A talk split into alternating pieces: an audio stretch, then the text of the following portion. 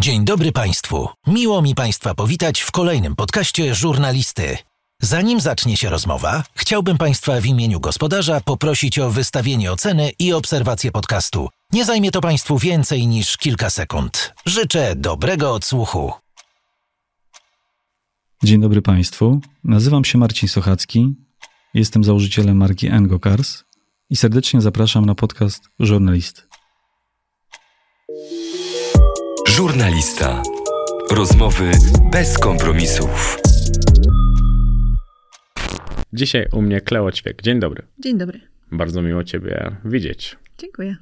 Duży format to Twój ulubiony dodatek do Gazety Wyborczej. Ty regularnie czytasz prasę? Teraz już nie, ale kiedyś to był mój absolutnie ulubiony dodatek do Gazety Wyborczej.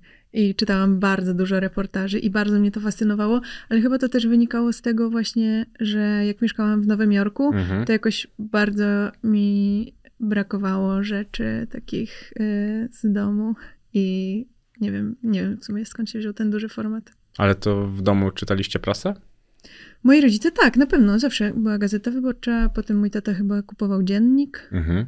A później, no teraz już nie, bo teraz wszystko jest y, digital, no nie? Mm, no jest, ale jednak są jeszcze fani papieru jednak. Nie tak. wiem, czy wiesz, bo... tata prenumeruje Focus. Znaczy, nie, teraz National Geographic, bo zaprenumerował Focus, a potem nagle mu zaczęli przysyłać National Geographic i on chyba już nawet nie odnowił tej prenumeraty. Właśnie było chyba, nie wiem, Fokus upadł, czy został wykupiony? Jakoś tak to chyba się koniec Nie końców wiem. skończyło. Ale jak rozmawialiśmy wcześniej o audiobookach jeszcze przed samym nagraniem, no to nie wiem, czy wiesz, ale świetnie i to świetnie w wersji audiobookowej jest zrobiona polityka co tydzień.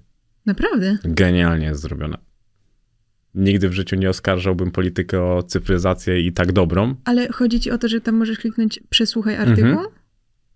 I on, a on jest czytany przez AI czy przez osobę? Nie, tam jest lektor chyba, który czyta pani lektorka. Lektor chyba.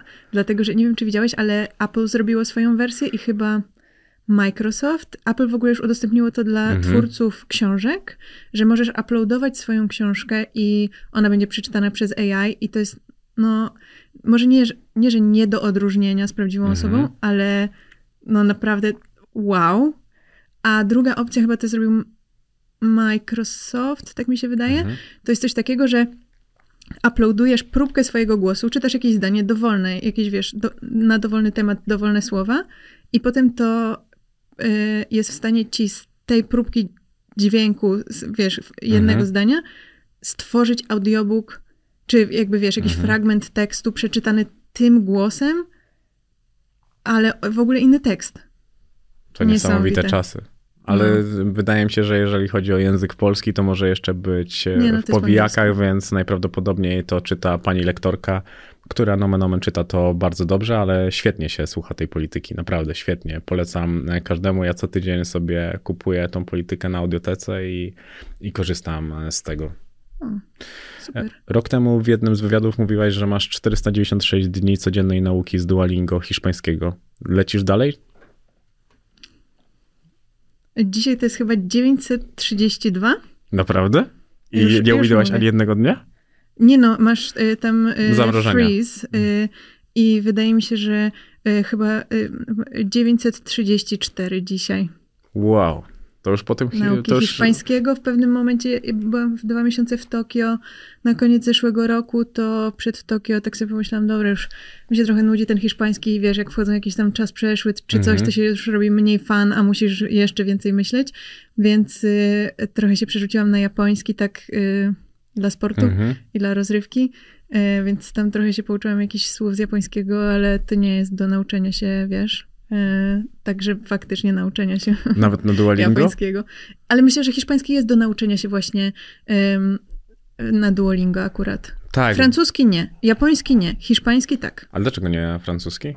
No ze względu na konstrukcję języka, na konstrukcję gramatyki i tak dalej. Hiszpański jest bardzo prosty, szczególnie jak znasz angielski i jak znasz polski, to jesteś sobie w stanie to w głowie złożyć w taki sposób, że bardzo łatwo jest ci się nauczyć. Bo I ja- podobieństwo słów, Mhm. i podobieństwo konstrukcji gramatycznych. Bo mnie czasami wrażenie. irytuje to, że tam jest za długo coś, że za długo masz coś powtarzać, że to faktycznie ma ci się tam wtłoczyć w tą głowę, żebyś tego nigdy w życiu nie zapomniał, jak korzystasz z tej Nie, aplikacji. No ja mam, ja mam naprawdę tak, że czasami już robię coś tak, tak sobie myślę, no dobrze, mam to do zrobienia yy, i A ile jesteś dni w Duolingo? oj, z 30 dopiero, I na, więc i, I na jakim języku? na angielskim. A, okej. na angielskim. Nie uczyłem się w szkole, więc zaczynam tego i jakby celowo może tak, ja znam bardzo dużo rzeczy, ale chcę się nauczyć od samych podstaw, nie powielać jakichkolwiek, naj, chociażby najmniejszych błędów. I może dlatego mnie to tak nudzi, Okej. bo robię tak proste No bo rzeczy. już znasz te. Tak, ale wydawało mi się, że jeżeli na przykład rozwiązuję coś cały czas bez e, pomyłki, to że Mhm. trochę będzie przyspie- przyspieszało jakby proces nauki, A, okej. a jest cały czas tak samo powolny. I, I dlatego mi się wydaje, że czasami taki głaz wpycham na tą,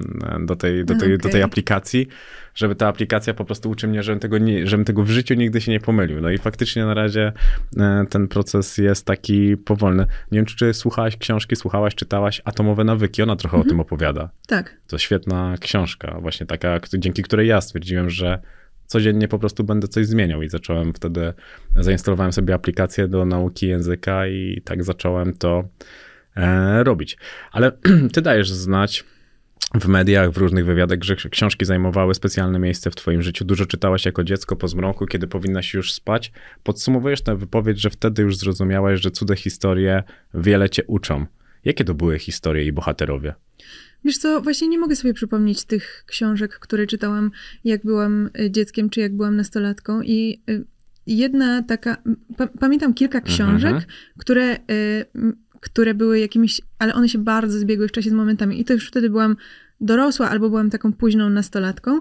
I pamiętam, jak przeczytałam pierwszy raz Ciemno prawie noc Joanny Bator. Mhm. I y, to jest, y, wiesz, y, beletrystyka. To jest książka, która wygrała nagrodę Nikę i chyba tak po nią sięgnęłam. Ona jest bardzo gruba, a później przeczytałam wszystkie książki Joanny Bator, które są niedostępne w formie audio nigdzie. Mhm. Natomiast jak czytałam Ciemno prawie noc, wtedy leciałam pierwszy raz do Tokio ponownie. Miałam 18 lat i miałam pierwszy raz w życiu wrażenie, mając 18 lat, że istnieje na świecie przynajmniej jakaś jedna osoba, która obserwuje świat w podobny sposób do mnie. Bo tam nawet był taki fragment, y, gdzie ona opisywała podróż y, pociągiem i to, jak ob- obserwowała osobę, z którą jedzie. I to wydało mi się tak wnikliwe, ale jednocześnie coś, czego nie widziałam w innych osobach, Mhm. żeby też tak miały te, tego rodzaju percepcję. I pomyślałam sobie, wow, okej, czyli istnieje przynajmniej jakaś jedna Joanna Bator, która jest tro, trochę podobna do mnie, a później przeczytałam jej inne książki, y, Piaskową Górę i tak dalej. I bardzo mi się to podobało i, i to mi dało y, takie trochę, no wiesz, tak jak sobie myślisz, że jesteś y, zupełnie sam na jakiejś planecie, a potem Mhm. się okazuje, że gdzieś tam rośnie jakaś roślinka, czy tam coś i już jest ci mniej samotnie. Y, A później jakieś takie książki, które mi przychodzą do głowy, to, była, to był wybór Zofii. E, Pamiętam, że mieszkałam w Mhm. Londynie, jak czytałam tę książkę i był Fashion Week i nosiłam ze sobą strasznie, bo to jest strasznie gruba książka. Nosiłam ze sobą strasznie grubą książkę i każdy mnie pytał, czemu ta książka jest taka gruba, czy coś takiego. I czytałam też od, od mojego byłego chłopaka dostałam czwartkowe dzieci, Patty, S- nie, przepraszam, to, nie, poniedziałkowe dzieci, Patty Smith, Mhm. ale ponieważ ja byłam przekonana, że ta książka ma tytuł Czwartkowe dzieci, bo czwartek to moim zdaniem najlepszy dzień tygodnia i też dzień, w który ja się urodziłam, to e, ten chłopak zamienił wszystkie słowa poniedziałkowe e, w książce Mhm. na czwartkowe, a się okazuje, że na okładce jest bardzo wiele razy napisany tytuł. Czyli romantyk. A ty jesteś romantyczna? nie, chyba nie, jestem pragmatyczna. To jak już tak zaczęliśmy od tych, Jestem pragmatyczna, ale pomysłowa. To na pewno. Zwracam dużo uwagi na coś, na co osoby mi mówią, a potem to wykorzystuję, robiąc im jakieś niespodzianki. Albo przeciwko nim. A trzy... Nie, właśnie w ogóle nie. Naprawdę? Nie, bo nie, ma, bo nie ma we mnie czegoś takiego. W sensie ja nie chcę nikomu zrobić nic złego. A trzy marzenia, trzy postacie fikcyjne z literatury, które czytałaś, a które chciałabyś zaprosić do takiej prawdziwej i szczerej rozmowy? O, wiesz co, ciekawe, że o tym mówisz, dlatego że właśnie niedawno rozmawiałam z moją znajomą, która jest filolożką, jakąś, także właśnie wiesz, y, skończyła te studia, na których Mhm. się czyta w, y, po prostu cały kanon, wszystkie lektury. E, I e, właśnie Matylda mnie zapytała o to, czy jest jakaś taka postać właśnie, z którą, rozmawiałyśmy o tym, że czy jest jakaś taka postać, z którą chciałybyśmy się spotkać i porozmawiać. Mhm. No i ona właśnie przytoczyła Barańczaka, e, tam inna osoba, z którą rozmawiałyśmy też e, kogoś tam wybrała i ja sobie pomyślałam, że nie mam w ogóle takiej osoby, dlatego że też na tamten czas, to było jakoś w zeszłym roku, miałam takie wrażenie, że wszystkie osoby, które, o których myślałam, że mi imponują i jak ich sposób myślenia mi imponował, Mhm. czy ich, y, y, nie wiem, wypowiedzi, ich też y, dzieła, książki, czy coś takiego. I potem na przykład je spotykałam albo jakoś poznawałam lepiej od tej bardziej ludzkiej strony, to zawsze to dla mnie było rozczarowaniem. Chyba po prostu to, że one są po prostu naprawdę ludzkie, wiesz, Mhm. i że mają te wszystkie cechy i że są nieidealne i tak dalej, a że ja bym chciała je postrzegać, wiesz, w takiej formie tych e, super wszechwiedzących i, i super mądrych i jakby, że- że tylko się z tego składają, więc chyba bałabym się, że ktoś się okaże właśnie rozczarowujący i Mhm. nieidealny. Ten pierwiastek ludzki niestety potrafi e, zabić Boga. No tak, ale też wiesz, często jest tak, znaczy często, obserwuję to jakoś ostatnio częściej, że, że na przykład okazuje się, że osoby, które na przykład napisały fantastyczne książki, później mając dostęp do Twittera czy do jakichś mediów, y, uzewnętrzniają się ze swoimi przekonaniami, które są na przykład kompletnie niespójne z moimi, homofobiczne, Mhm. seksistowskie i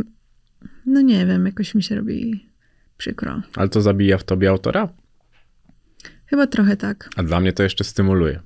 W sensie takim, że interesuje mnie jeszcze bardziej jego głowa. Na przykład, dlaczego buduje w ten sposób postać, dlaczego na przykład dobiera takie dialogi. Ja lubię rozkładać książkę na czynniki pierwsze, ale kiedy mam książkę. W audiobooku niestety to jest taki dla mnie trochę fast food y, literacki. Nie traktowałbym audiobooka na równi z książką na pewno. O, serio? No, bo też za szybko tego słucham. W A, sensie, okej. że tak, że ja faktycznie lubię posiedzieć sobie nad tym. Ja, ja jak mam świetną książkę, mm, to ja sobie wolę ją kupić w papierze Mhm. I popatrzeć na nią, trochę więcej czasu z nią spędzić. Okej. Pogłaskać się, tak nie, żeby jednak nie zrobić tego na spacerach i wyjść biegać i mam książkę za sobą, Mhm. tylko jednak e, te takie książki, które są dla mnie bardzo istotne, mm, wolę i i dlatego na przykład wtedy taki, taki autor mnie stymuluje do tego, żeby jeszcze bardziej myśleć o tym, co on tam ma w głowie. Nawet nie traktuję książki jako popieranie poglądów, Partnerem żurnalisty jest Engokars.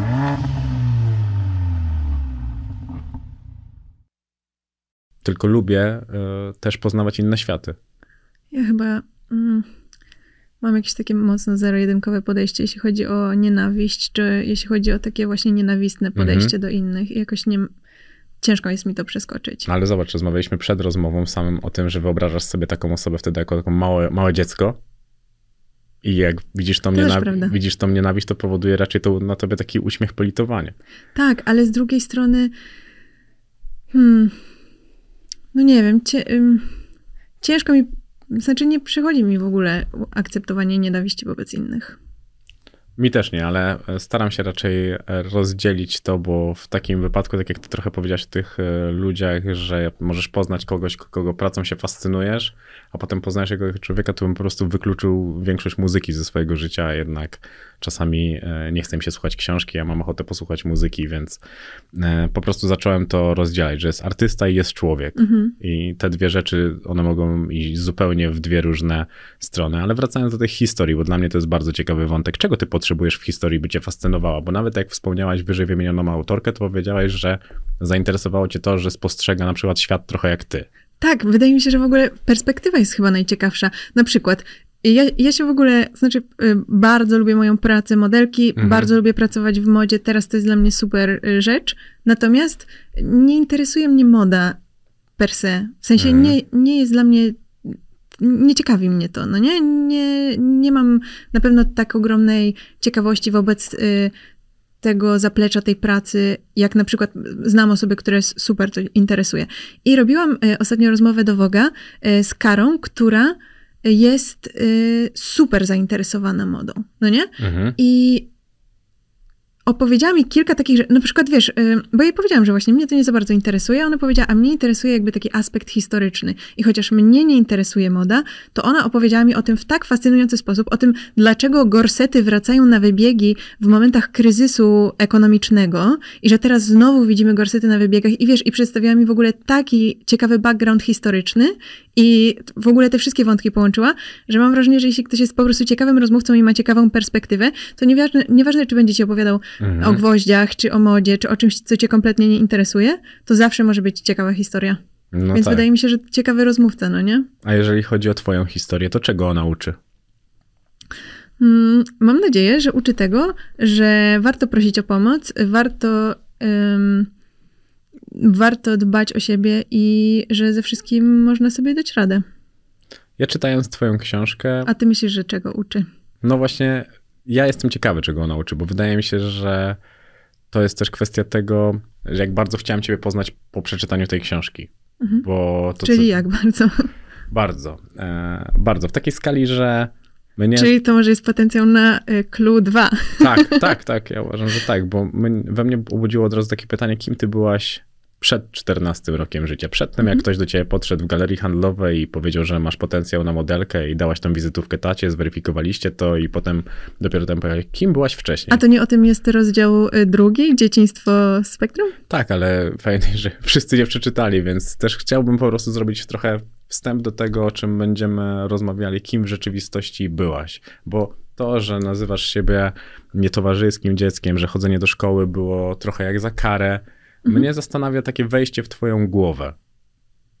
Kim, kim ty byłaś sama dla siebie, bez oceny innych ludzi. Hmm, myślę, że ciężko mi to stwierdzić. Jak patrzę teraz z tej, z tej perspektywy, to byłam jakąś po prostu, wiesz, najdziwniejszą dziewczynką na świecie, najbardziej nieśmiałą i tak dalej. E, Ale sama o sobie, sa, sama byłam po prostu kompletnie nieświadoma siebie w ogóle Mhm. zupełnie. W sensie nie miałam od czego się odbić, nie, nie umiałam y, o sobie myśleć w żaden sposób. Dlatego wszystko, co przyszło później, było też dla mnie takim zaskoczeniem i takim, i to wszystko było dla mnie nieoczywiste. Ale lubiłaś tą swoją codzienność? Potrafiłaś się w niej odnaleźć? Nie, w ogóle nie. Nie, dlatego uciekałam w książki bardzo często. I w ogóle to, co ostatnio myślałam sobie o tym i chyba opowiadam Agacie, ale już to już było tam Mhm. po książce, bo książkę zamknęłyśmy w czerwcu zesz- zeszłego roku. E, To, że właśnie rozmawiamy o tym, że dzieciństwo na spektrum i tak dalej, że moi rodzice nie, nie mieli tej świadomości na, na tamten czas, bo to były w ogóle, to były inne lata. I e, ja się zamykałam z, często z książką w szafie i e, co zrobili moi rodzice, którzy oczywiście zawsze chcieli dla mnie dobrze, kupili mi po prostu większą szafę i taką, w której była lampka, żebym, żebym nie musiała Mhm. siedzieć z latarką, no nie? No tak, bo to też były takie czasy, tak jak o tym mówisz, no to w ogóle było nowum. No, ciężko było się raczej w tej sytuacji odnaleźć i to pokazuje tylko i wyłącznie po prostu, że chcieli dobrze. No jasne. A był ktoś w tamtym czasie dla ciebie wyjątkowo ważny? Nie wydaje mi się. Wydaje mi się, że byłam po prostu bardzo samotna. Bo nie byłam w stanie się odbić y, w kimś innym, kto by był podobny do mnie. Y, Moje relacje były takie dosyć, mia- miałam wrażenie, powierzchowne albo trudne do zawarcia, więc y, mm, myślę, że ciężko mi o czymś takim powiedzieć, ale mimo wszystko czuję, że miałam bardzo duże wsparcie ze strony mojej rodziny. Mhm. Zawsze. I jak sobie teraz o tym myślę, to y, wiesz, to to jest super duża wartość i my też często o tym mówimy w podcaście, można zwariować, że silne y, więzi i silne relacje są podstawą dobrego samopoczucia i, i podstawą zdrowia psychicznego, to, że wiesz, jak się potkniesz, to ktoś cię złapie, no nie? Mhm. No tylko tutaj jakby z założenia punkt wyjścia był, nie? A po prostu i tak e, wpadłaś w tę terapię, dlatego mnie to zastanawiało. No też była twoja siostra, ona jest starsza od ciebie? Moja siostra jest o rok młodsza. O rok młodsza, e, więc to też była dla ciebie ważna osoba, bo ja szczerze powiedziawszy myślałem, że ją wskażesz jako osobę dla, dla ciebie ważną.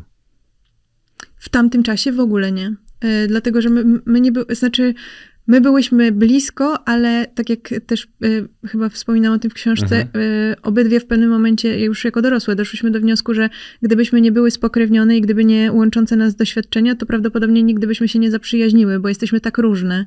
I e, te różnice między nami są widoczne od razu, od zainteresowań po. em, no, jesteśmy od siebie bardzo, bardzo różne. I w tamtym czasie moja siostra miała w ogóle osobny swój świat i ja swój osobny w ogóle świat. I jakby łączył nas dom i tak dalej i wyjeżdżałyśmy razem na Mhm. wakacje i tak dalej, ale to było jakoś tak, że no, byłyśmy siostrami, no nie? A, ale nie, nie była ta, jakaś taka przyjaźń i e, dopiero tak naprawdę jak e, zdecydowałam się przeprowadzić z Nowego Jorku do Warszawy, Mhm. e, to ta nasza, to uznałam, że bardzo chcę postawić na tę relację, bo wiem, że jest dla mnie ważna i że wiem, że ma dużą wartość i duży potencjał i zależy mi na tym i zajęło mi dużo czasu budowanie jej do takiej formy, jaka jest Mhm. teraz. A co wtedy lubiłaś robić, już wykluczając czytanie książki? No bo kiedy miałaś 10 lat, nauczyłaś się programować. To nie jest zbyt... Myślę, że to jest dużo powiedziane. Nauczyłam się pisać proste strony internetowe. W tamtym okresie W to nadal No W właśnie. notatniku. No to trochę utrudniałaś sobie siłą rzeczy. W notatniku nie pisało się tego najłatwiej wtedy. No bo były już programy, które trochę oferowały trochę więcej pomocy i sztucznej inteligencji. Nie mam pojęcia. No nie, no to w, tamtym, to w tamtym czasie już e, jednak była. Skąd wzięło się to zainteresowanie? Nie mam pojęcia. Chciałam po prostu y, zrobić sobie szablon na bloga, no to zaczęłam coś tam pisać, coś tam zmieniać, bo coś chciałam przesunąć, no to pomyślałam, a no to wiesz, zaczęłam szukać w internecie, ściągnęłam Photoshopa jakiegoś, wiesz, y, pewnie nielegalnego, czy z jakiegoś linka dziwnego y, i y, po prostu chciałam sobie, ja, ja się bardzo lubię uczyć i to mnie na maksa ciekawi i w ogóle ciekawi mnie dowiadywanie się nowych rzeczy. Mhm. Więc to chyba było tak, wiesz, a co zrobi, a co się stanie, jak tutaj to przesunę, a co się stanie, jak tutaj wpiszę inną wartość, a co, i chyba z ciekawości. A do czego miałeś największe predyspozycje, jak sobie spojrzysz na to dzisiaj z perspektywy dorosłej kobiety? Hmm, widzisz, zawsze wydawało mi się, że mam predyspozycje humanistyczne. Mm, A teraz to już nie byłabym tego taka pewna, ale zawsze miałam bardzo duże predyspozycje językowe, bardzo łatwo podłapywałam nowe języki. Ym, Wiesz, my, Mhm. nasi rodzice posyłali nas na zajęcia dodatkowe z angielskiego i co teraz myślę sobie, wiesz, wtedy my nie chciałyśmy chodzić, a to było 10 minut od domu, więc yy, nasz tata nam mówił, no dobra, to podwiozę was, wiesz, samochodem dwie minuty. E, Ale teraz się cieszę. I, I wtedy moi rodzice mówili: Zobaczycie, jak będziecie starsze, to nam podziękujecie. No i faktycznie tak jest. I wiesz, i teraz y, nie, nie jestem ci w stanie powiedzieć, czy słuchałam książki po polsku, Mhm. czy po angielsku. Wow, no to jest jednak e, duża umiejętność, żeby No. po prostu tak dobrze to I- przyswajać.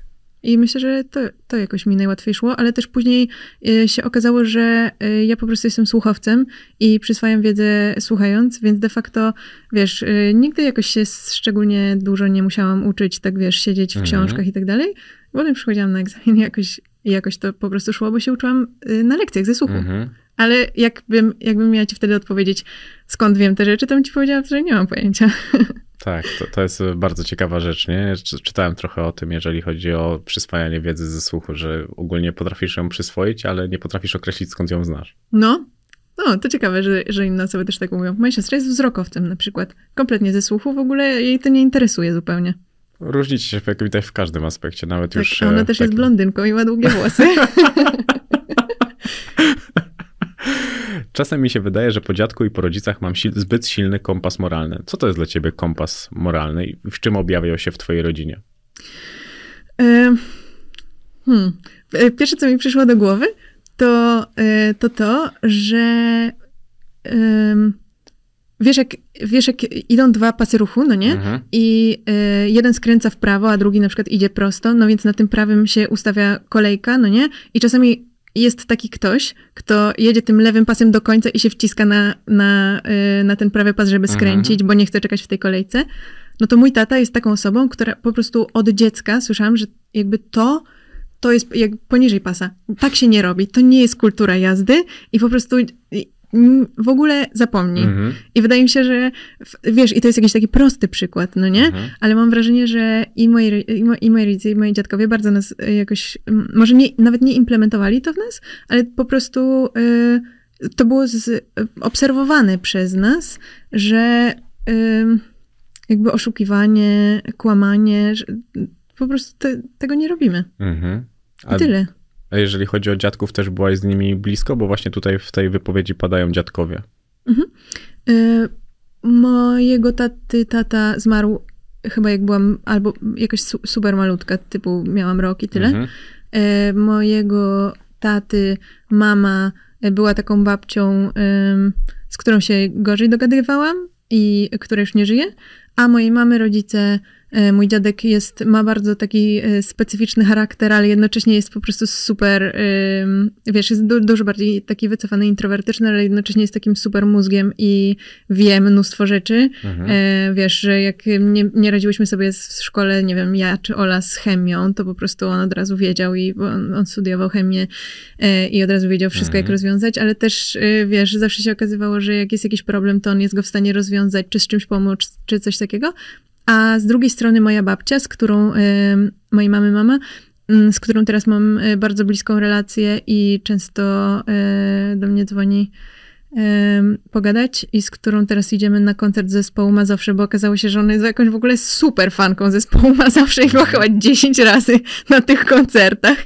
E, To mam super bliską relację i babcia zawsze zabierała nas co roku na wakacje do Zakopanego i z nią spędzałyśmy miesiąc, Mhm. y, ja i Ola, i wtedy w ogóle nie chciałyśmy jeździć i płakałyśmy i chcieliśmy, żeby nas rodzice stamtąd zabrali i tak dalej. A teraz sobie myślę, że to w ogóle y, co za wspaniała możliwość, że babcia zabiera, a to wynikało też z tego, żebyśmy tam oddychały górskim powietrzem Mhm. dobrym i tak dalej, i tak dalej. I myślę sobie, że wspominam to absolutnie ciepło i myślę, że to było jakieś takie najbezpieczniejsze miejsce na świecie.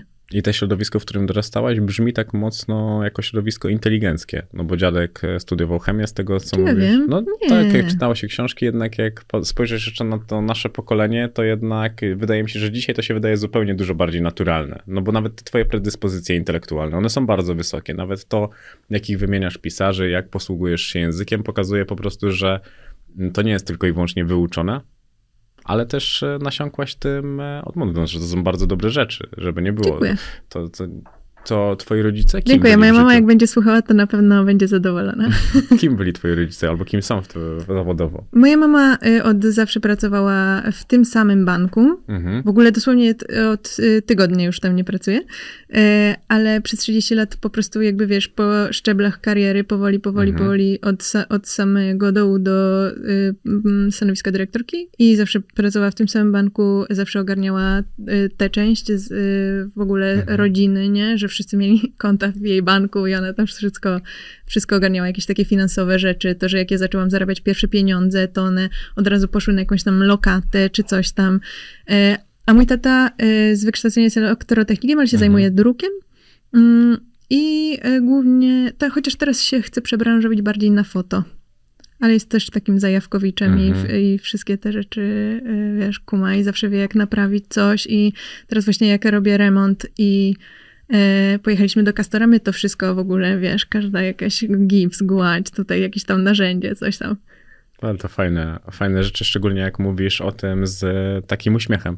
No to jak był w tobie taki potencjał, jak już ustaliliśmy, intelektualny i widać po prostu, że się dobrze tym posługujesz, to taki dziadek Mhm. czy babcia, która jest dla ciebie teraz bliska, czy rodzice, nie zastanawiali się trochę, czy ten modeling to jest dobra droga? Nie musiałaś tak trochę się o to kłócić? Zastanawia mnie ten proces wyboru tego wszystkiego w tej rozmowie. E, Nie, w ogóle nie musiałam się o to kłócić, ale też e, to, co myślę, że e, było czymś dobrym, nad czym się wcześniej nie zastanawiałam, a dopiero ostatnio o tym pomyślałam, to to, że mam wrażenie, że u nas w domu nie było wobec nas żadnych oczekiwań. To znaczy, Mhm. były takie oczekiwania, że będziemy chodzić na ten angielski, że będziemy zdawać z klasy do klasy, ale też takie podejście było, że no ale jak nie zdasz z klasy do klasy, no to jakby to ty będziesz popra- po- poprawiać Mhm. ten rok, no nie? A ja bardzo nie chciałam siedzieć w szkole No ani tak. o jeden dzień dłużej niż to było konieczne, więc to było dla mnie wystarczające przekonanie. Zresztą e, pamiętam, ostatnio nawet mówiłam o tym moim rodzicom, że pamiętam, że mm, że oni próbowali e, nas przekonać, w sensie mnie przekonać Mhm. do tego, że, że muszę chodzić do szkoły, to mówili, że jeśli ja nie będę chodzić do szkoły, to oni pójdą do więzienia. Więc de facto to była moja motywacja do edukacji.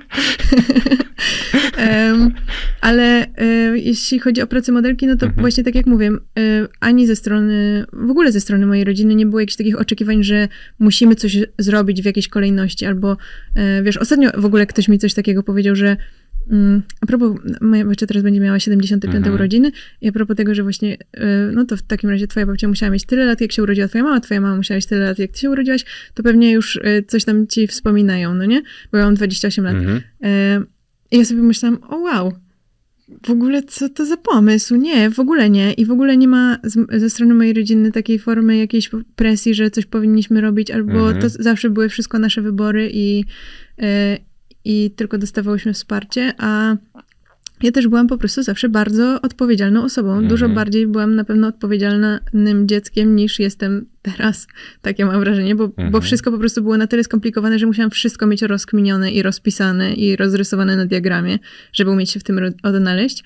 Więc też de facto, jak pojawiła się taka możliwość, to nikt z nas nic o tym nie wiedział, więc zaczęliśmy googlować Mhm. i pomyśleliśmy, że dlaczego nie? To może być jakaś super rzecz, a jak nie, to możemy po prostu sobie wyjść.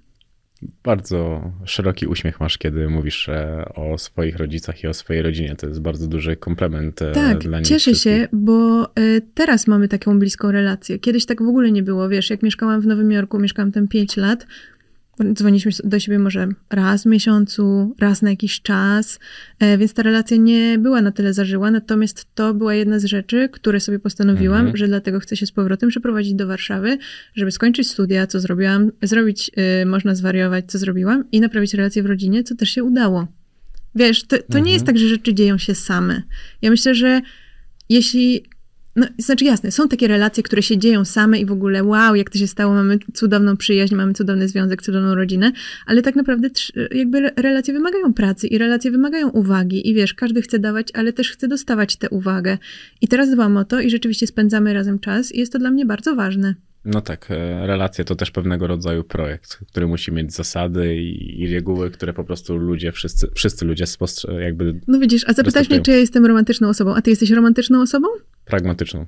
Jesteś pragmatyczną osobą, Mhm. widzisz, czyli tak samo jak ja. A romantyczne osoby, albo takie właśnie, bar, wiesz, bardziej takie head in the clouds, Mhm. y, mają y, takie podejście, że nie, to nie, nie można traktować jak projekt, to wszystko musi być y, takie spontaniczne i tak dalej, ale często właśnie ten spontaniczny sposób może ci zrobić gorzej. Spontaniczne są wypadki na autostradach. Nikt raczej ich nie planuje i po prostu e, nie kontrolując albo rozmarzy, e, można się rozmarzyć i można wylądować e, na barierce. Tak bym to. Ja uważam, że wszędzie są zasady i niestety na dłuższą metę tylko i wyłącznie zasady działają, bo jeżeli patrząc na to. No to O, widać, że ktoś tu czytał Atomic Habits. No, naprawdę, no jeżeli tak, to, to społeczeństwo też by nie miało sensu. E, Powinniśmy nie mieć zasad w ogóle i powinniśmy żyć dalej w dżungli. E, Ale jeszcze mnie zastanawia to, bo powiedziałeś w jednym z wywiadów, że odziedziczyłaś spektrum autyzmu trochę po tacie, ale on tak kompletnie nie uważa. Mm, Jaka wasz- wasza była relacja, kiedy dorastałaś?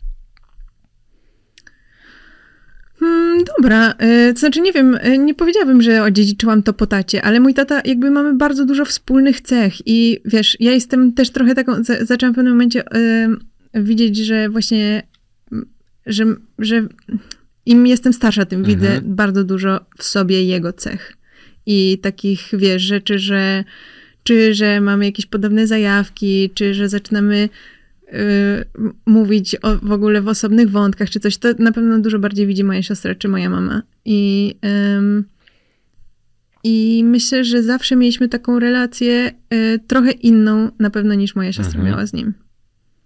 Du- Bliższą? Dużo, ym, nawet nie wiem, czy bliższą, ale bardziej taką, że interesowały nas te same rzeczy, wiesz? Mhm. że, że wiesz, że no na przykład teraz właśnie e, zapytałam o coś moją siostrę, e, o jakieś narzędzie i powiedziała mi, a ty nie masz tego w swojej skrzynce na, z narzędziami? Ja ona mówi, ja nie mam skrzynki z narzędziami w domu. A ja mam, wiesz, taką pomarańczową skrzynkę z narzędziami z Home Depot, która przypłynęła do mnie st- statkiem z Nowego Jorku i ja tam mam wszystkie rzeczy, wszystkie rzeczy, które mój tata też ma w swojej skrzynce z narzędziami, bo patrzyłam na jego skrzynkę z narzędziami i wiedziałam, że tam mogę znaleźć te wszystkie rzeczy, które jak potrzebuję, to tam są Mhm. jakieś gwoździe, nie gwoździe i tak dalej. Więc wiesz, więc, więc nawet w takich tego typu rzeczach, no nie? Hmm, To bardzo, bardzo, bardzo ciekawe, szczególnie kiedy to pojawia się z biegiem lata. Nie jest takie oczywiste na samym początku. Zastanawia mnie, jak byś opisała, jak to jest być w twojej głowie. Hmm. Teraz myślę, że jest y, dziwnie, że y, jest trochę. Wow. Pierwsze w ogóle, co mi teraz przyszło do głowy, to pomyślałam, że jest jak trochę jak na konkursie tańca. W jakiejś takiej sali, wiesz, trochę jak sala gimnastyczna, taka sala balowa czy coś, ale każdy tańczy w inny sposób. I jakby leci jedna muzyka, ale wszyscy Mhm. w ogóle i, i de facto. Albo na przykład jest taki film y, na jakimś Instagramie czy coś tam, że jest taki wyścig y, dla dzieci i tam jest napisane, za każdym razem patrzę na inne dziecko i się okazuje, że to jest w ogóle jakaś inna historia i inny tor. I przez to, że ja mam dużo różnych, oj sorry, Y, że ja mam dużo różnych zajęć, bo mam i y, podcast i fundację i tutaj pisaliśmy książkę, a jeszcze pracuję jako modelka i jeszcze y, mam startup y, z apką do medytacji, więc y, i jeszcze mam życie prywatne. No to to są wszystko jakieś takie, wiesz, osobne tory, które gdzieś tam sobie Mhm. biegną osobno, ale wszystko się dzieje równolegle w tym samym czasie i wszystkiemu muszę dawać atencję, no nie? A czego jest najmniej z tych wszystkich rzeczy, które, wymyśli, które wymieniłaś przed chwilą? Czego jest najmniej? Mhm. No bo robiąc tyle rzeczy, na pewno nie da się tego po- podzielić na tyle, żeby każdego było równo. I jednak też są pewnie rzeczy ważniejsze i mniej ważne w tym wszystkim, nawet w tym pragmatyzmie po prostu. zdajesz sobie pewnie sprawę z tego, że czas jest ograniczony. Tak, ym, oczywiście, że tak, zdaję sobie z tego sprawę, bo czas jest najciekawszą rzeczą na świecie. Y, natomiast ym, gdzieś przeczytałam o tym, że jeśli sobie wyobrazisz swoje życie tak jak y, kuchenka gazowa, która ma cztery palniki i tam jeden palnik to jest twoja kariera i twoje życie zawodowe, Mhm. jeden to jest y, twój związek, jeden to jest twoje, twoje życie y, z przyjaciółmi, jeden to jest tam jeszcze twój jakiś samorozwój i tak Mhm. dalej, no to że nigdy te cztery palniki nie, mo- nie mogą się palić naraz. Wiesz, Mhm. że zawsze jeden musi być przykręcony. I myślę, że no, jakbym miała powiedzieć, że jak jest dzisiaj, to pewnie e, moje życie prywatne jest trochę bardziej przykręcone, dlatego że po prostu e, mam mało czasu. E, I czy na spotkania z Mhm. przyjaciółmi, czy coś takiego, ale staram się to balansować w czasie, no nie? Czyli Mhm. jak są, jest, jak mam jakiś luźniejszy okres, to em, poświęcać temu uwagę. Zapytałem ciebie o te twoje, twoją, twoją głowę, bo na pytanie, co w sobie lubisz najbardziej, odpowiedziałeś, że sposób, w jaki myślisz i że równocześnie on kiedyś ciebie, naj, tobie najbardziej w, w samej tobie przeszkadzał, co Mhm. mnie zastanawiało. Co zmieniło spostrzeganie tego w twojej ocenie? Mm, myślę, że w dużej mierze diagnoza. Mhm. Y, I w dużej mierze to, że mogłam sobie o tym poczytać, i, bo wiesz, zawsze to było moje porównywanie mojego sposobu myślenia do innych osób. Mhm. I widziałam, jak on się kom, jest kom, kompletnie inny i kompletnie nie, nie taki jak ich. I nie, ale nie umuja, jakby widziałam w nim potencjał, No właśnie. że to nie jest zły sposób myślenia. I na przykład jak wracam do domu, to z moim tatą mogę się super dogadać i o tych wszystkich rzeczach porozmawiać i tak dalej. Moja siostra czasami nie rozumie, o czym mówi, o czym mówię, ale jak jej wytłumaczę więcej i dłużej porozmawiamy Mhm. albo coś takiego, to jestem w stanie ją przekonać, czy coś takiego. Więc ym, jakby widziałam w tym potencjał, ale ym, jak, ym, nie, nie, nie jest to sposób myślenia może taki chyba naj, defaultowy, Mhm. wiesz? No rozumiem to, ale z, z- właśnie, bo ty masz taki piękny umysł. Ja tak jak sobie czytałem te konstrukcje myśli, słuchałem sobie tych wszystkich wywiadów, to wydawało mi się, że, że może to właśnie inni ludzie przez to, że czuli się, że ty nie potra- że jakby nadawałaś po prostu na tych wyższych falach. Zresztą sama mówiłaś, że jak szukałaś terapeuty, to po prostu przez doktoratem, ze względu na to, żeby e, po prostu ta półka intelektu była podniesiona e, ciutkę wyżej, żebyś po prostu też mogła się kimś e, zainspirować albo zafascynować na tej zasadzie, że po prostu ktoś naprawdę i to naprawdę dużo wie, a ty jesteś głodna wiedzy, więc to jest akurat e, świetny pokarm. Ale chciałbym pogadać o tym palniku, który powiedzmy jest przygaszony. Jaka jesteś w miłości i czego oczekujesz w związkach? Y, Chyba mm, też jestem pragmatyczna. No tak się spodziewałem tego, więc tym bardziej mnie to zastanawiało, do czego podchodzisz w, w takiej kwestii. Czy ty w związku szukasz takiej stymulacji intelektualnej, czy wręcz odwrotnie? Y, Myślę, że to, czego się nauczyłam, to, że szukam osoby równej sobie. I Mhm. nie mogę być w, w relacji z albo osoby równej sobie, albo kogoś, jakby, kto będzie mi jeszcze bardziej imponował.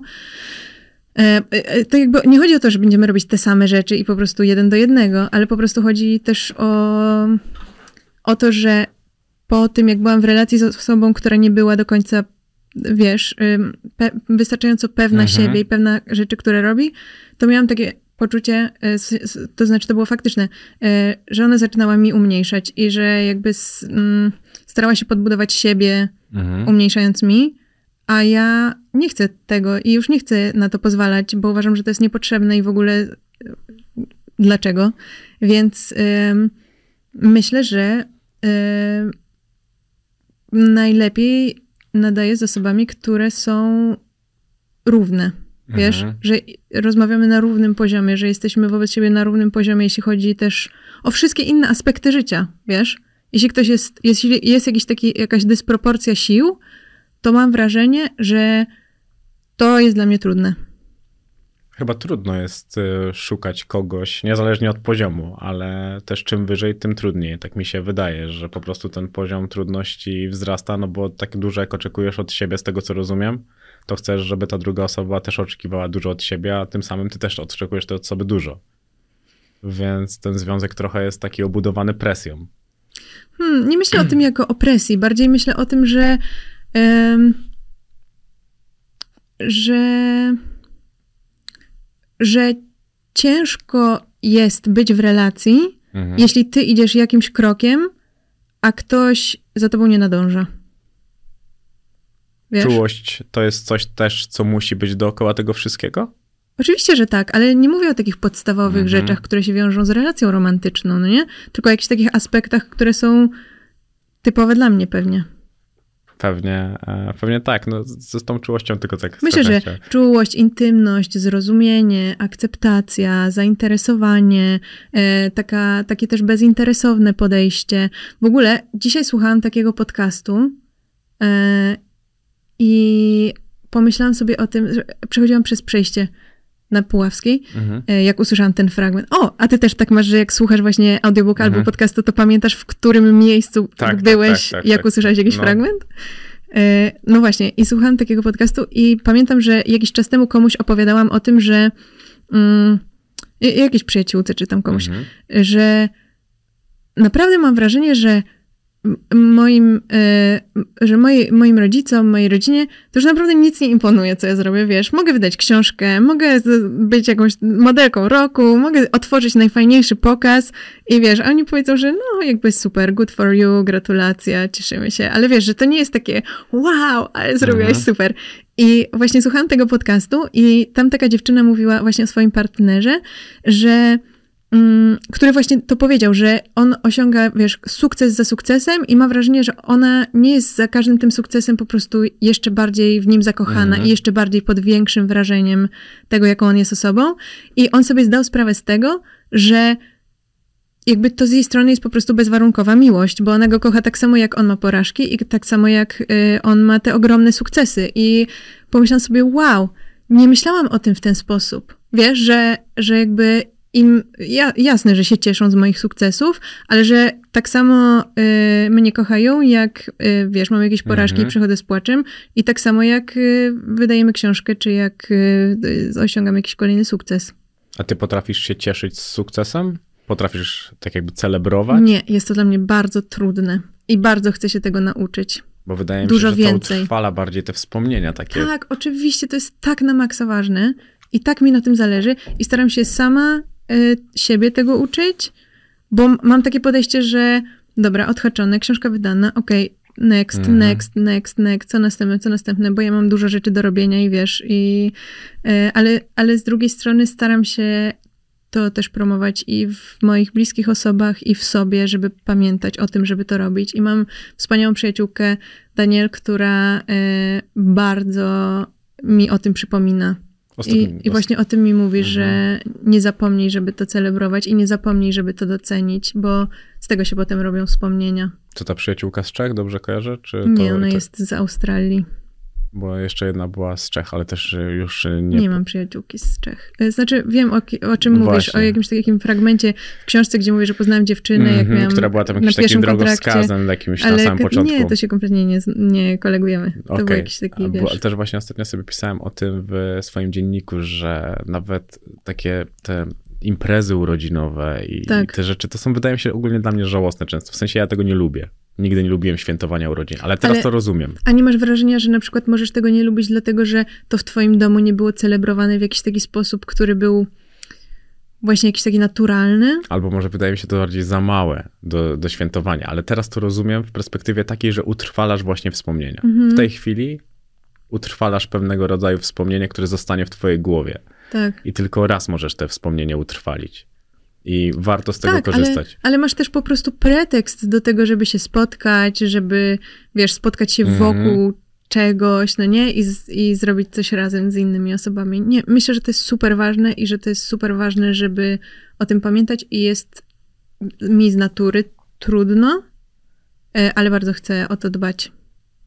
Jak już tak rozmawialiśmy o tym palniku, trochę zboczyliśmy z toru, ale mnie zastanawia, jak ty siebie uczysz. No bo jednak niewątpliwie trzeba się drugiej osoby nauczyć, a szczególnie z tym podejściem. Jak ja siebie uczę, Nie, uczysz, jak ja uczysz, siebie? nie, uczysz na przykład swojego partnera, z kogoś, z kim zaczynasz się spotykać, tłumaczysz mu na przykład swoje emocje? O Boże. Czy każdy To sobie myślę, jak się, jak się jakiś czas temu rozstałam z kimś, to sobie pomyślałam, Boże, nawet już jestem zmęczona na samą myśl, żebym się musiała komuś od początku tłumaczyć. Że to już jest za dużo. I teraz sobie Mhm. myślę, napisałam książkę. Wiesz, proszę. Zapraszam. Tak, ale potem jak się zaczęłam spotykać e, z kimś, to e, i się okazało, że nadajemy na podobnych falach na naszym pierwszym spotkaniu, to e, potem wysłałam mu po prostu kilka odcinków podcastu. I, I dobrze to wyszło. Piekielnie, piekielnie wygodne. Książka, podcast. Ale nawet książka jest w formie audiobooka No tak. Chociaż e, zastanawiało mnie i e-booka, także w, mam dowolny format. No, słuchaj, jak ci, jak ci wygodnie. Ale to musiało być e, takie, znaczy nie wiem, ja nigdy nie czytałem czegoś, co już powiedziałem, bo wiesz, jak kiedy piszesz taką książkę w formie wywiadu, no to pada to pierwszy raz najprawdopodobniej. Że, no, że jak rozmawiasz z kimś, no to jest to na żywo. Właśnie teraz o tym rozmawiacie. A kiedy czytasz e, to do audiobooka, no to jest to twórcze.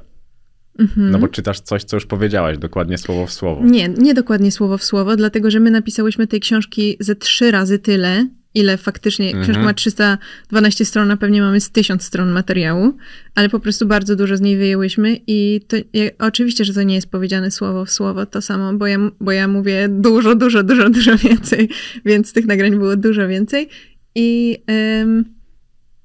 i wydaje mi się, że udało nam się później poprzez edycję Mhm. wyciągnąć tylko taką esencję, bo to też jest tak, ja jestem bardzo prywatną osobą i wiesz, no, wej- wejdziesz na mój Instagram, nie będziesz wiedział, z kim ja się przyjaźnię, z kim ja się spotykam, wiesz, nie, nie znajdziesz tych informacji. Mhm. I ja nie chciałam, żeby one tam były, dlatego że to nie o tym jest ta książka, nie? Mhm. To jest bardziej mówienie o jakichś zjawiskach na podstawie tych doświadczeń, które ja miałam. Ale bez jakby nie rozliczanie się z przeszłością, nie nic innego. No też miałem właśnie takie, takie wrażenie, dlatego potencjał na drugą książkę jest e, jak najbardziej, bo, bo to, no, to jest akurat bardzo, bardzo mm, widoczne. Powiedziałaś też coś takiego, że za każdym razem, kiedy idę z chłopakiem, mamy trochę wolnego czasu, zabieramy psa i jedziemy za miasto. Trzeba wiedzieć, e, że w życiu nic nie musisz. Wszystko, co robisz, należy do ciebie i to ty podejmujesz decyzję o tym, e, czego chcesz. Kiedy ostatni raz robiłaś coś, bo musiałaś, a nie chciałaś?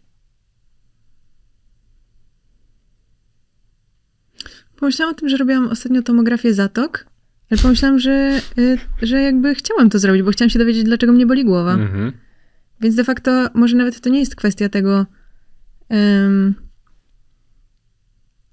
co musisz, a co chcesz, tylko jak sobie to wytłumaczysz. Mhm. No to też o tym e, dużo, dużo nawiązujesz. Bardzo dobrze tłumaczysz. Moim zdaniem to jest e, świetna rzecz, bo pokazujesz po prostu, że z każdej negatywnej, powiedzmy, rzeczy możesz wyciągnąć coś pozytywnego, jeżeli tylko i wyłącznie będziesz chciał to dostrzec. Ale tutaj mnie Tak, cie- no tak samo jak myślisz sobie, że coś jest porażką, a coś może być lekcją.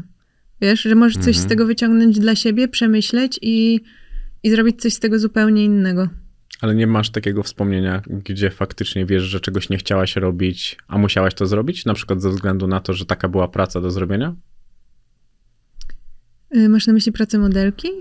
Jakąkolwiek, no jak widać, twoje życie jest dość mocno rozgałęzione i dorzucanie tylko i wyłącznie to w Wiesz co, perspektywie no, modelki. jeśli, jeśli y, na przykład myślę o jakiejś pracy, o której bym sobie pomyślała, że no nie jest to jakaś super praca wizerunkowo, no to pewnie szła za tym jakaś dobra kasa, więc to też jest dla mnie in plus, nie? Mhm. Czyli jakby zawsze jest coś, co jest tą bezpośrednią motywacją.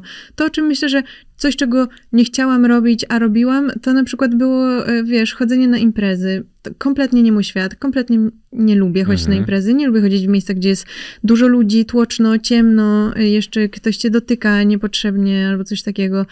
Mm, Z, z jakoś po prostu nie, nie, nie jest to mój świat, y, ale wtedy miałam takie, no to już było dawno, dawno temu, wtedy miałam takie poczucie, że tego wymaga przynależność do jakiejś, wiesz, Mhm. grupy, nie? Ale i, nie- i jakby nie, nie umiałam, znaczy nawet nie chodzi o moją asertywność, o mój brak asertywności na tamten czas, tylko bardziej jakby wydawało mi się, że, że to jest potrzebne i chociaż muszę się trochę nagiąć, to zależy mi na tej akceptacji.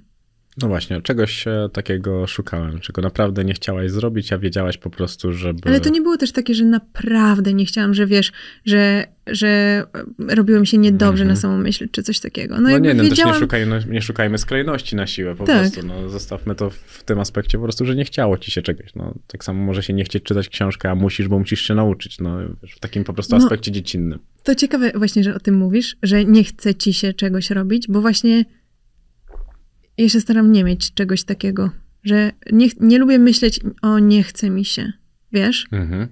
Nie lubię tego myślenia i nie lubię, jak od kogoś słyszę, że mówi właśnie, o nie chce mi się teraz robić tego. Nie wiem dlaczego. I nie wiem dlaczego to jest y, właśnie coś takiego, co mi tak daje do myślenia, że właśnie nie chce mi się, bo, bo ja bym wszystko chciała. Wiesz, że chcę robić te wszystkie rzeczy, które robię i nawet jeśli na przykład gorzej spałam, nie mam siły, mam jakiś taki, wiesz, bardziej zmęczony dzień, to hmm, nie wiem, czy umiem to dobrze wytłumaczyć. Wiesz, o co mi chodzi? Nie, no ja jak najbardziej to rozumiem, ja uważam, że nie chce mi się jest zaraźliwe. Wiesz, że... Tak, też, że właśnie, no to jak ci się nie chce, to to- to w może coś trzeba zmienić. No właśnie, może też w takiej po prostu perspektywie, że nie jest to dla ciebie. tak. No, ale też z drugiej strony, jak sobie na to patrzę, no to nasz e, ludzki mózg jest najbardziej chętny do lenistwa.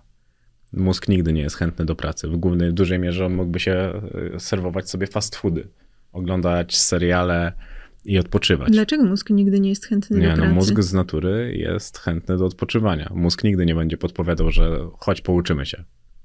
Mózg jest e, w założeniu O Jezu, a ja wczoraj szłam spać i była 23.30 i mój mózg powiedział, nie zrobiłaś Duolingo. I zrobiliśmy Duolingo 5 minut. Właśnie y, ja muszę sobie to przypomnienie ustawić, bo mam za późno. A ja nie mam przypomnienia w Duolingo. A ja mam na wieczór, e, tylko że to mi się często... Widzisz, ja nie mam przypomnienia w Duolingo, bo mój mózg chce pracować. A ja, ja mam, ale on mi przypomina zazwyczaj, jak ja już śpię. E, Chce mi przypomnieć, że jak już śpię, bo ja zasypiam e, bardzo, bardzo, bardzo wcześnie. Czyli o której? 21, 22. Wow, super. Peter Attia zasypia o dru- do 22.45 i to jest mój cel. A o której wtedy, jak masz cel 22.45, to o której chcesz wstawać? Ja długo śpię. A to bardzo zdrowo. Ja śpię 9,5 godziny teraz. Wow. Czasami 10 nawet, no. To jest e, bardzo, bardzo wynik taki, że zazdroszczę. Ale osoby z depresją mają bardzo długi y, czas spania.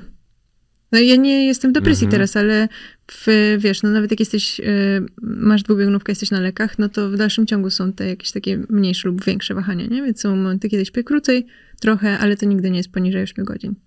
To bardzo i Świetna książka do przesłuchania w takim wypadku jest Dlaczego śpimy. Jedna z najlepszych i najważniejszych w moim życiu, jeżeli chodzi o to. Nie wiem, czy to słuchałaś z książki, ale e, polecam każdemu, kto słucha podcastu. A jakie są trzy najszczęśliwsze sceny z twojego życia? Hmm. Nie wiem, czy takie mam. Nie wiem, czy mam. Nie mam takich. Jak można nie mieć? No, myślę, że coś jest takiego, co faktycznie spowodowało szczęście. Też dlatego trochę podpuściłem cię tym pytaniem na początku, czy celebrowałaś jakieś rzeczy. Właśnie nie mam takich. y, nie mam takich y, rzeczy konkretnych, że to był jakiś najszczęśliwszy moment, dlatego że. ym, ja często jestem bardzo, bardzo, bardzo szczęśliwa bez, Mhm. bez jakiejś takiej konkretnej przyczyny, że coś się tego dnia wydarzyło, nie? Czy, Mhm. Czyli to nie będzie dzień, w którym wydajemy książkę. To jest najszczęśliwszy dzień mojego życia. Mhm. Tylko bardziej to jest na przykład jakaś, jakiś czwartek, bo sobie pomyślałam, że miałam super rozmowę z moją przyjaciółką i jakoś świeciło słońce i dobrze się czułam i, i tak dalej. Mhm. Mam, mam e, osoby, z którymi jestem w częstszym, jesteś moi bliscy przyjaciele czy coś takiego, cze, nie, nierzadko dostają ode mnie takie wiadomości, że wow, dzisiaj naprawdę wydaje mi się, że dzisiaj jest kolejny najszczęśliwszy dzień mojego życia. Wiesz? Albo czasami na przykład mówię, że czasami naprawdę sobie myślę, że jestem po prostu najszczęśliwszą osobą na świecie. I myślę, że w tym roku już byłam najszczęśliwszą osobą na świecie przynajmniej kilka razy. W zeszłym roku bardzo wielokrotnie. Wiesz? Mhm. Czyli to nie jest tak, że jakieś trzy momenty z życia. W zeszłym roku wiele razy, w tym roku już też kilka razy. A kiedy pierwszy raz pomyślałaś sobie, że spełniłaś jakieś swoje marzenie? Mm. Też nie umiem odpowiedzieć na to pytanie. A spełniasz jakieś marzenia? Masz jakieś marzenia? Miałaś jakieś marzenia? Myślę, że em, chyba jest taki fragment, też piszemy o tym w książce, że przez to, że właśnie nikt wobec mnie nie miał żadnych oczekiwań tego, kim będę, jako kto będę pracować, jaka, właśnie jaka będzie moja praca, na jakie pójdę studia. No dobra, mój dziadek miał jakieś takie oczekiwania wobec mnie i mojej siostry, że skończymy studia, no nie? Mhm. E, I że będziemy mieć mieszkania i tyle. mamy studia, mamy mieszkania, done. Em, no, ale poza tym to jakby nie czułam z, z niczej strony żadnej Mhm. presji, żadnych oczekiwań tego, kim będę, albo, albo co będę robić, albo kiedy będę mieć dzieci, albo cokolwiek. Nic takiego nie było. Więc de facto, a też przez to, że byłam tak bardzo nieśmiałą, wycofaną, e, wycofanym dzieckiem, niedawno moja mama mi powiedziała coś takiego, że właśnie przez to, że moja siostra była taka otwarta i towarzyska i tak dalej, to e, a ja byłam taka wycofana, to ona zawsze miała, zawsze sobie myślała, że Ola sobie zawsze poradzi, a wobec mnie miała y, obiekcję, że czy, czy ja sobie Mhm. poradzę sama. Więc de facto mam wrażenie, że wszystko, co robiłam, to było dla wszystkich i tak już w ogóle in plus, Mhm. wiesz, że i tak nikt nigdy się tego nie spodziewał, więc to wszystko było jakoś tak ekstra. Ym, I wydaje mi się, że po prostu jakoś wymyślam sobie rzeczy i je realizuję, ale nie myślę o nich w kategoriach marzeń, tylko w kategoriach rzeczy do zrealizowania. Ale kiedy stajesz się tą małą dziewczynką, ta mała dziewczynka o niczym nie marzyła? Wiesz co, jak byłam małą dziewczynką i mieszkaliśmy na Ursynowie, to y, moi rodzice mają nagranie na kasecie VHS, y, na którym mówię, że jak, jak, jak się mnie ktoś pyta, kim będziesz jak dorośniesz, że będę modelką i pojadę na Hawaje. Wszystko? Wszystko. Zrobione. Nie no, jeszcze muszę pojechać na Hawaje. Byłam na wielu wyspach, ale nie na tej. Nawiązałeś do tego, że dziadek oczekiwał, żebyście skończyły studia. Ty studiowanie psychologii mm, masz za sobą i pojawiło się też przez, po, chciałaś siebie poznać i pojawiło się też przez inspirację panią Wandą, którą, której bardzo dużo zawdzięczasz w kontekście waszych rozmów. Jaka była najważniejsza rozmowa z panią Wandą? Nie wiem, y, nie umiem powiedzieć, ja mam taką słabą pamięć, naprawdę, y, więc nie umiem powiedzieć y, o takiej jednej rozmowie, ale pamiętam, że to była po prostu osoba, która we mnie bardzo podbudowywała moje poczucie y, własnej wartości w taki sposób, że po prostu wprost mi mówiła, że wiesz, że jestem fajną i ciekawą Mhm. osobą, że jestem inteligentna, bo ja nie miałam w ogóle pojęcia na swój temat. Żadnego, wiesz? Takiego czy jestem inteligentna, czy nie, czy jestem interesująca, czy nie. I ona dużo po prostu mi mówiła takich komplementów i takich bardzo pozytywnych wzmocnień, ale często w taki sposób y, gdzieś tam pomiędzy w naszej rozmowie, nie? Mhm. I y, myślę, że te aspekty też były dla mnie takie bardzo wartościowe i czymś, co sobie bardzo z tego wyniosłam, bo tego mi po prostu brakowało chyba. To trochę przerażające, co? Że tak naprawdę obca osoba dopiero zaczynała budować tak cegiełka po cegiełce w tobie poczucie tego, kim ty tak naprawdę jesteś. No tak, no ale to jest chyba też y, nierzadko rola terapeuty po prostu, dobrego terapeuty. Ba, no, bardzo dobrego, e, też mi się tak e, wydaje. A dlaczego ty nie masz predyspozycji, do bycia psychologiem? Ym, bo chyba jestem zbyt niecierpliwa y, wobec osób. Wiesz, że jak, y, że jak ktoś czegoś nie rozumie, no to ja mu bardzo chcę wytłumaczyć tak, żeby zrozumiał i już żeby, żeby rozumiał to. A w terapii to jest proces, no nie? Czyli daj, dajesz komuś y, wędkę i ta osoba musi po prostu w tym procesie sama jakoś sobie, wiesz, to rozkminić na swój sposób, bo to nie jest tak, że jak ja komuś wytłumaczę coś na swój sposób, to nie oznacza, że ta osoba to zrozumie w ten sposób, no nie? Jestem A ja ciekawy bym wolała relacji, tak. Relacji z chłopakiem ogólnie. Proszę? On, ja jestem ciekawy takiej relacji twojej z chłopakiem i jak on czegoś nie rozumie i chciałbym zobaczyć, jak ty mu to tłumaczysz. A może spotykam się z chłopakiem, który właśnie rozumie. Ale ba- bardziej interesująca byłaby scena, jak ktoś by nie rozumiał. Wydaje mi się, że... Nie, no ja po prostu nie mam takiej cierpliwości, wiesz, żeby... Um, wydaje mi się, że do bycia właśnie dobrym, takim faktycznie dobrym terapeutą i wydaje mi się, że też y, dobrzy terapeuci mają y, taką empatię na bardzo wysokim poziomie i ja na pewno takiej aż nie mam. Ale empatyczna raczej jesteś. Nie Tak? umiem stwierdzić. Y, Wydaje mi się, no osoby autystyczne często mają z tym problem, z rozumieniem emocji innych osób, Mhm. jeśli one są szczególnie nieracjonalne. Myślę, że to też jest dla mnie trudne często. Ty dużo w swoim życiu widziałaś, dużo czułaś. Czym jest w rzeczywistości dla ciebie dzisiaj szczęście? Y, Myślę, że to jest y, nic nie musieć i wszystko móc. Czyli, że wiesz, y, mieć po prostu taki luz, że jeśli nie chcę, to nie muszę, jeśli Mhm. chcę, to mogę i mam ku temu możliwości i mogę zrobić wszystko, co bym chciała. A potrafisz odnaleźć wszędzie szczęście? Wszędzie geograficznie? Nie, wszędzie w życiu. Jeżeli jest bałagan dookoła ciebie, coś się dzieje, nie potrafisz się odnaleźć, to potrafisz sobie usiąść i wygospodarować w swojej głowie przestrzeń, że tak ma być, że to jest lekcja, właśnie tak jak trochę powiedziałaś o porażkach. Myślę, że nie od razu, w tu i Mhm. teraz, ale myślę, że dużo szybciej. y, Nawet nie wiem, czy to bym określiła słowem szczęście. Bardziej myślę, że spokój i jakiś taki y, bycie okej z tą sytuacją. Nawet jeśli ona jest trudna, to dużo szybciej dzisiaj przychodzi mi przejście do, takie, do takiego poczucia o tym niż kiedyś. Nie rozpamiętuję. Ja nie myślę bardzo dużo o przeszłości, dlatego że wydaje mi się, że przyszłość jest dużo bardziej ciekawa. A spokój jest szczęściem? Tak, Spo- myślę, że tak. No właśnie, bo zobacz, bo z jednej strony właśnie też mi się wydaje, że to, co nazwałeś szczęściem, właśnie jest e, spokojem. Mhm. Taką wewnętrzną zgodą na, zgodą na to, kim jestem, Mhm. dlaczego taka jestem i że godzę się na to, że idę w tym kierunku, który właśnie sobie wyznaczyłam i nie robię niczego przeciwko e, samej sobie. Jak pisałaś książkę, to były obszary, w których poznałaś się na nowo? Hmm. Nie wiem, chyba nie, nie umiem o takim obszarze powiedzieć. Na pewno y, Agata też pisze o tym we wstępie, że ym, to, co jej zdaniem było ciekawe, no to, że właśnie, że ona obserwowała proces i też jak niedawno rozmawiałyśmy na spotkaniu autorskim, y, ona wspominała o tym, że y, niejednokrotnie miała wrażenie, że ja wiesz, po, po jakimś czasie, bo pisałyśmy tę książkę Mhm. na przestrzeni roku, y, więc że były takie momenty, gdzie ja zaprzeczałam sobie sprzed kilku miesięcy, ale że ona uważała, że warto to zostawić, bo to jest ciekawe, bo to pokazuje właśnie jakiś taki proces tego, jak, jak się zmieniają poglądy i jak, Mhm. ym, jak ewoluuje tożsamość i tak dalej.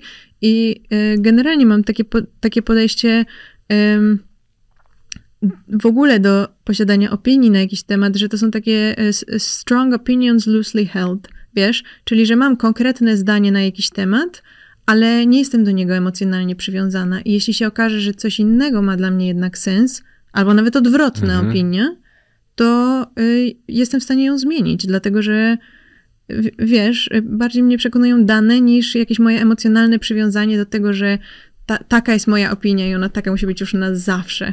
No ale to jest e, rozwój.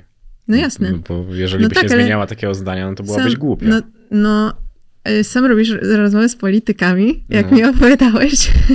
Mam wrażenie, że tam niejednokrotnie jest tak, że po prostu ludzie zostają przy swoich opiniach za wszelką cenę, nawet jeśli się Mhm. okazuje, że one są już bez sensu i trochę nawet widać, że oni już... Oni, tylko że też e, ludzie od nich tego oczekują, moim zdaniem. Że kibice po prostu chcą, żebyś grał cały czas dla tej jednej drużyny. I w ten sam sposób. Ludzie nie chcą, żeby ludzie się inni rozwijali, tylko po prostu chcą, żebyśmy cały czas grali do tej samej bramki i w ten sam sposób. Ale to, to, jest, to jest po prostu taki, taka, taka tematyka. Nie? Gdzieś tam uważam, że ludzie, szczególnie gdzieś w tym naszym podobnym wieku, pokoleniu 30-latków, widzimy, że świat nie jest taki zero-jedynkowy Mhm. że jest dużo więcej odcieni niż czarny i biały.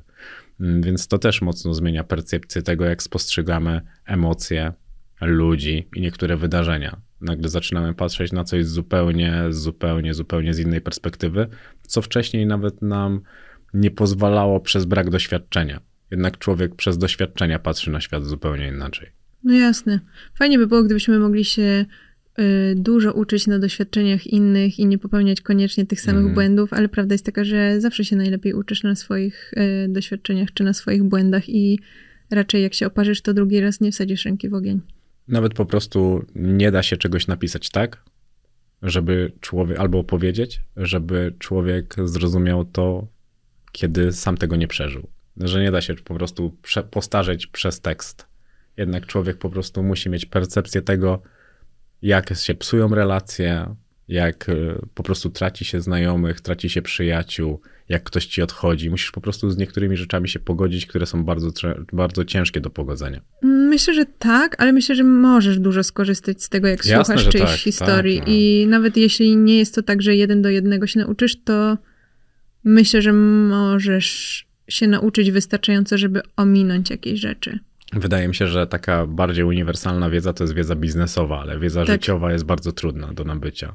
Tak, to prawda. Wiedza biznesowa jest dużo bardziej uniwersalna i jak sobie o tym myślisz, na przykład nie znam się w ogóle na inwestowaniu, jesteś w stanie na przykład y, przejrzeć wszystkie y, inwestycje, Mhm. które zrobił, nie wiem kto, Warren Buffett, czy jakiś inny Mhm. Bill Gates, czy coś takiego i popatrzeć, co oni robią. No dobra, może to nie jest dobry przykład, ale że wiesz, że jest dużo jakichś takich uniwersalnych rzeczy, które faktycznie możesz y, powtórzyć jeden do jednego, nie? No, możesz znaleźć dwudziestolatka geniusza programowania, ale raczej dwudziestolatka filozofa nie znajdziesz. Tak mi się wydaje, że przynajmniej ja nie znam takiego przykładu tak młodego człowieka, który jest bardzo docenionym filozofem i po prostu rozumie życie w taki sposób, w jaki nikt inny nie jest w stanie jego dostrzec i widzi zbieżności między e, światem teraz Ja a kiedyś. znam. Właśnie, więc może po prostu to jest e, A może on istnieje? może istnieje. W takim wypadku chętnie o nim e, usłyszę. A jak istnieje, to na pewno się po tym podcaście o tym dowiemy. Uwierz. Jak istnieje, to na pewno jest na TikToku. tak. A w tej książce były już takie momenty, których nie chciało ci się już opowiadać ze względu na tym, że już mówiłaś o tym naprawdę i to naprawdę dużo razy? Nie, bo nie mam takiego podejścia, że nie chce mi się. Mhm. Wiesz, wiedziałam, że okej, y, przyszła do nas propozycja napisania książki. Wow, to może być super, najciekawsza przygoda na świecie. Czego ta przygoda wymaga? Tego, żebym opowiedziała coś, co już mówiłam milion razy, po raz milion pierwszy raz. Mhm. Więc y, myślałam o tym po prostu jako, wiesz, zadaniu właśnie do opowiedzenia tego. Nie miałam, ja też, wszystkie te rzeczy, które są w książce, to są rzeczy, które już wielokrotnie opowiedziałam, ale też wielokrotnie sobie przemyślałam, przerobiłam na terapii. Wiesz, tam, tam nie ma czegoś takiego, że mnie to teraz jeszcze boli, na przykład, Mhm. albo że trudno mi przechodzi przez gardło, bo jest to jakieś dramatyczne wydarzenie. No bo właśnie już to wszystko się wydarzyło, ja już to wszystko jestem z tym okej. No właśnie, to, to, to głównie przemawiało dla mnie przez tą książkę. Naprawdę? Mhm. I dzisiaj rozmawiałem ze swoją znajomą na twój temat i w ogóle wysłałem jej e, moje notatki. I ja mówię, weź proszę, chociaż przesłuchaj jeden wywiad i przejrzyj moje notatki. Ja mówię, strasznie brakuje mi emocji. I przeczytałem jej książkę i brakowało mi emocji. I takie miałem, mm, takie, kurde, nie mam pojęcia, że z jednej strony mam, wiem, ale nie mam pojęcia, z kim ja rozmawiam. Że to było dla mnie takie, jakbyś e, miała powiedzmy taki ręcznik, on był mokry i, i tylko to co, to, co zostało w tej misce, to, to jest ta książka. I tak mówię, Jezus Maria, no przecież to jest... Dlatego też tak myślałem, szczerze powiedziawszy, że było dużo więcej tych notatek i że zostało to zebrane do kupy, bo mówię, no nie, no. Tak miałem takie, taki, taki mindfuck w bani i mówię, co tu się stało teraz? Że ta książka mnie zostawiła z takim uczuciem, którego już długo nie czułem. Okej. Bo z takich rzeczy, że tam na Pradzie się nie zarabia, że idziesz do sieciówek, no jakby ta książka prze, przerzuca dużo emocji, dużo jakby takich różnych rzeczy. To jest wszystko tak posiadkowane całkiem, całkiem e, sprytnie, całkiem dobrze. Tak, Agata zrobiła. No, jest to Na świetne. pewno nie ja, ale Agata jest też scenarzystką. Myślę, że po prostu ona jest świetna y, w pisaniu rzeczy. Bo to nie ja, to nie ja zrobiłam. Ja, ja tylko opowiedziałam te wszystkie historie. A jak już zacząłem ten wątek e, tej Prady, że na tych wszystkich dużych ma- markach e, się nie zarabia, a zarabia się na tych e, sieciówkach, to jaki największy kontrakt w życiu podpisałaś? Chyba to była kampania Hermes Perfum.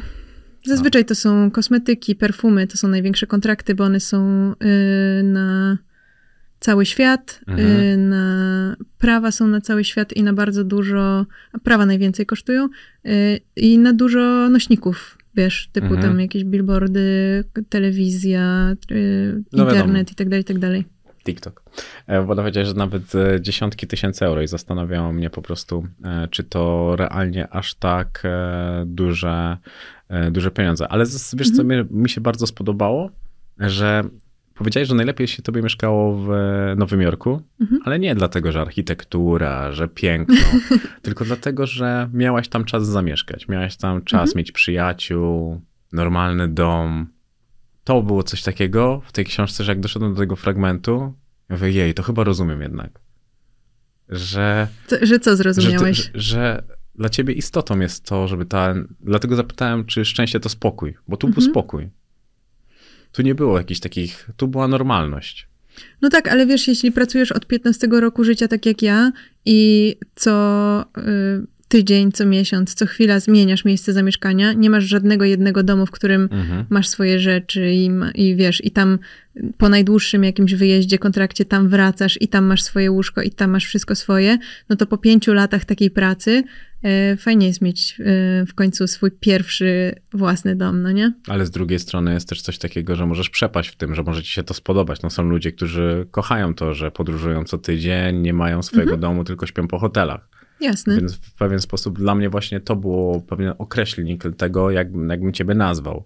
Że widać, że ten dom, spokój, normalność w takim wymiarze była dla ciebie całkiem atrakcyjna. Myślę, że, ym, że po jakimś czasie, wiesz, po najdłuższym czasie takiego trybu życia, y, w którym mieszkasz w hotelach i w którym mieszkasz w samolotach i w którym latasz non-stop gdzieś, y, że jakby to, to jest unsustainable Mhm. tryb życia No na dłuższą metę. Po prostu nie jesteś w stanie go utrzymać. Nawet jeśli masz wszystkie systemy, ja mam naprawdę wszystkie systemy najlepiej rozkminione od tego, jak się rozpakowuję, jak dojeżdżam do hotelu, po to, jaki mam setup z walizką i z bagażem podręcznym, po mój setup z kosmetyczką podróżną. Wszystko. Ja mam, ja mam wszystko Mhm. ogarnięte, wiesz.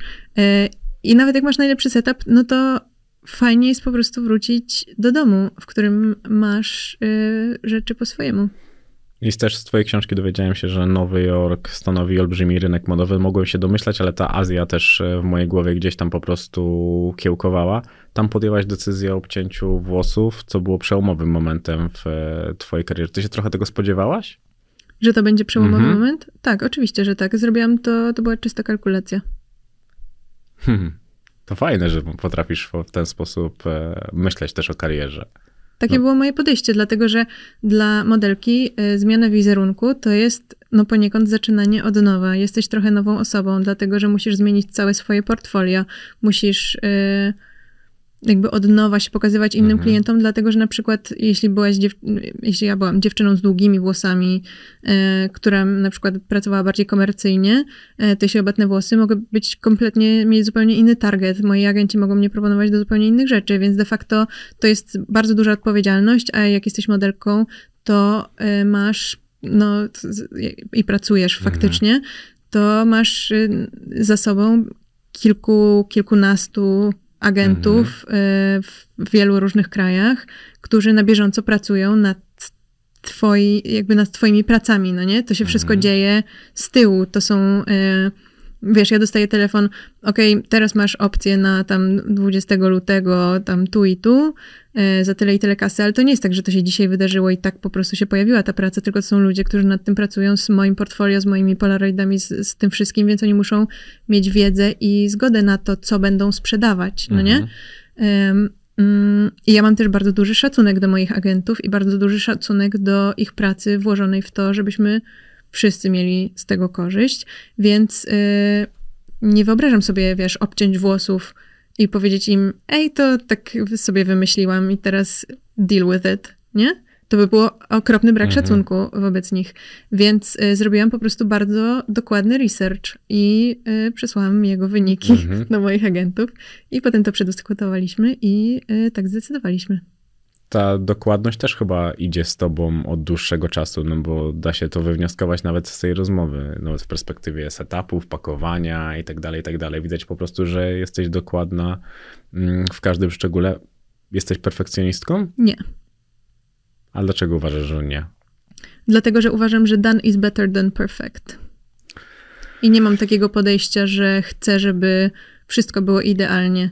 I y, uważam, że to jest strata czasu i na przykład y, y, często jak się mówi o tym, że y, dlaczego startupy launchują produkt za późno, właśnie dlatego, że próbują dopra- dopracować, wiesz, każdy przycisk i każde, Mhm. każdą jedną rzecz, żeby wypuścić bez baga, a potem, wiesz, są nagle pół roku do tyłu, bo ich konkurencja wypuściła coś szybciej, lepszy, le, wiesz, nawet jeśli Mhm. było gorsze, to już u, użytkownicy zdążyli się z tym zapoznać, więc ym, myślę, że wypuszczenie i, z, i zrobienie czegoś zrobienie w ogóle czegoś Mhm. jest dużo bardziej wartościowe niż wypuszczenie czegoś, co będzie perfekcyjne, dlatego że wiesz, wszyscy, po, tak naprawdę wszyscy, mam wrażenie, że też poświęcają tobie czy tam temu, co robisz, dużo mniejszą uwagę niż ty sam.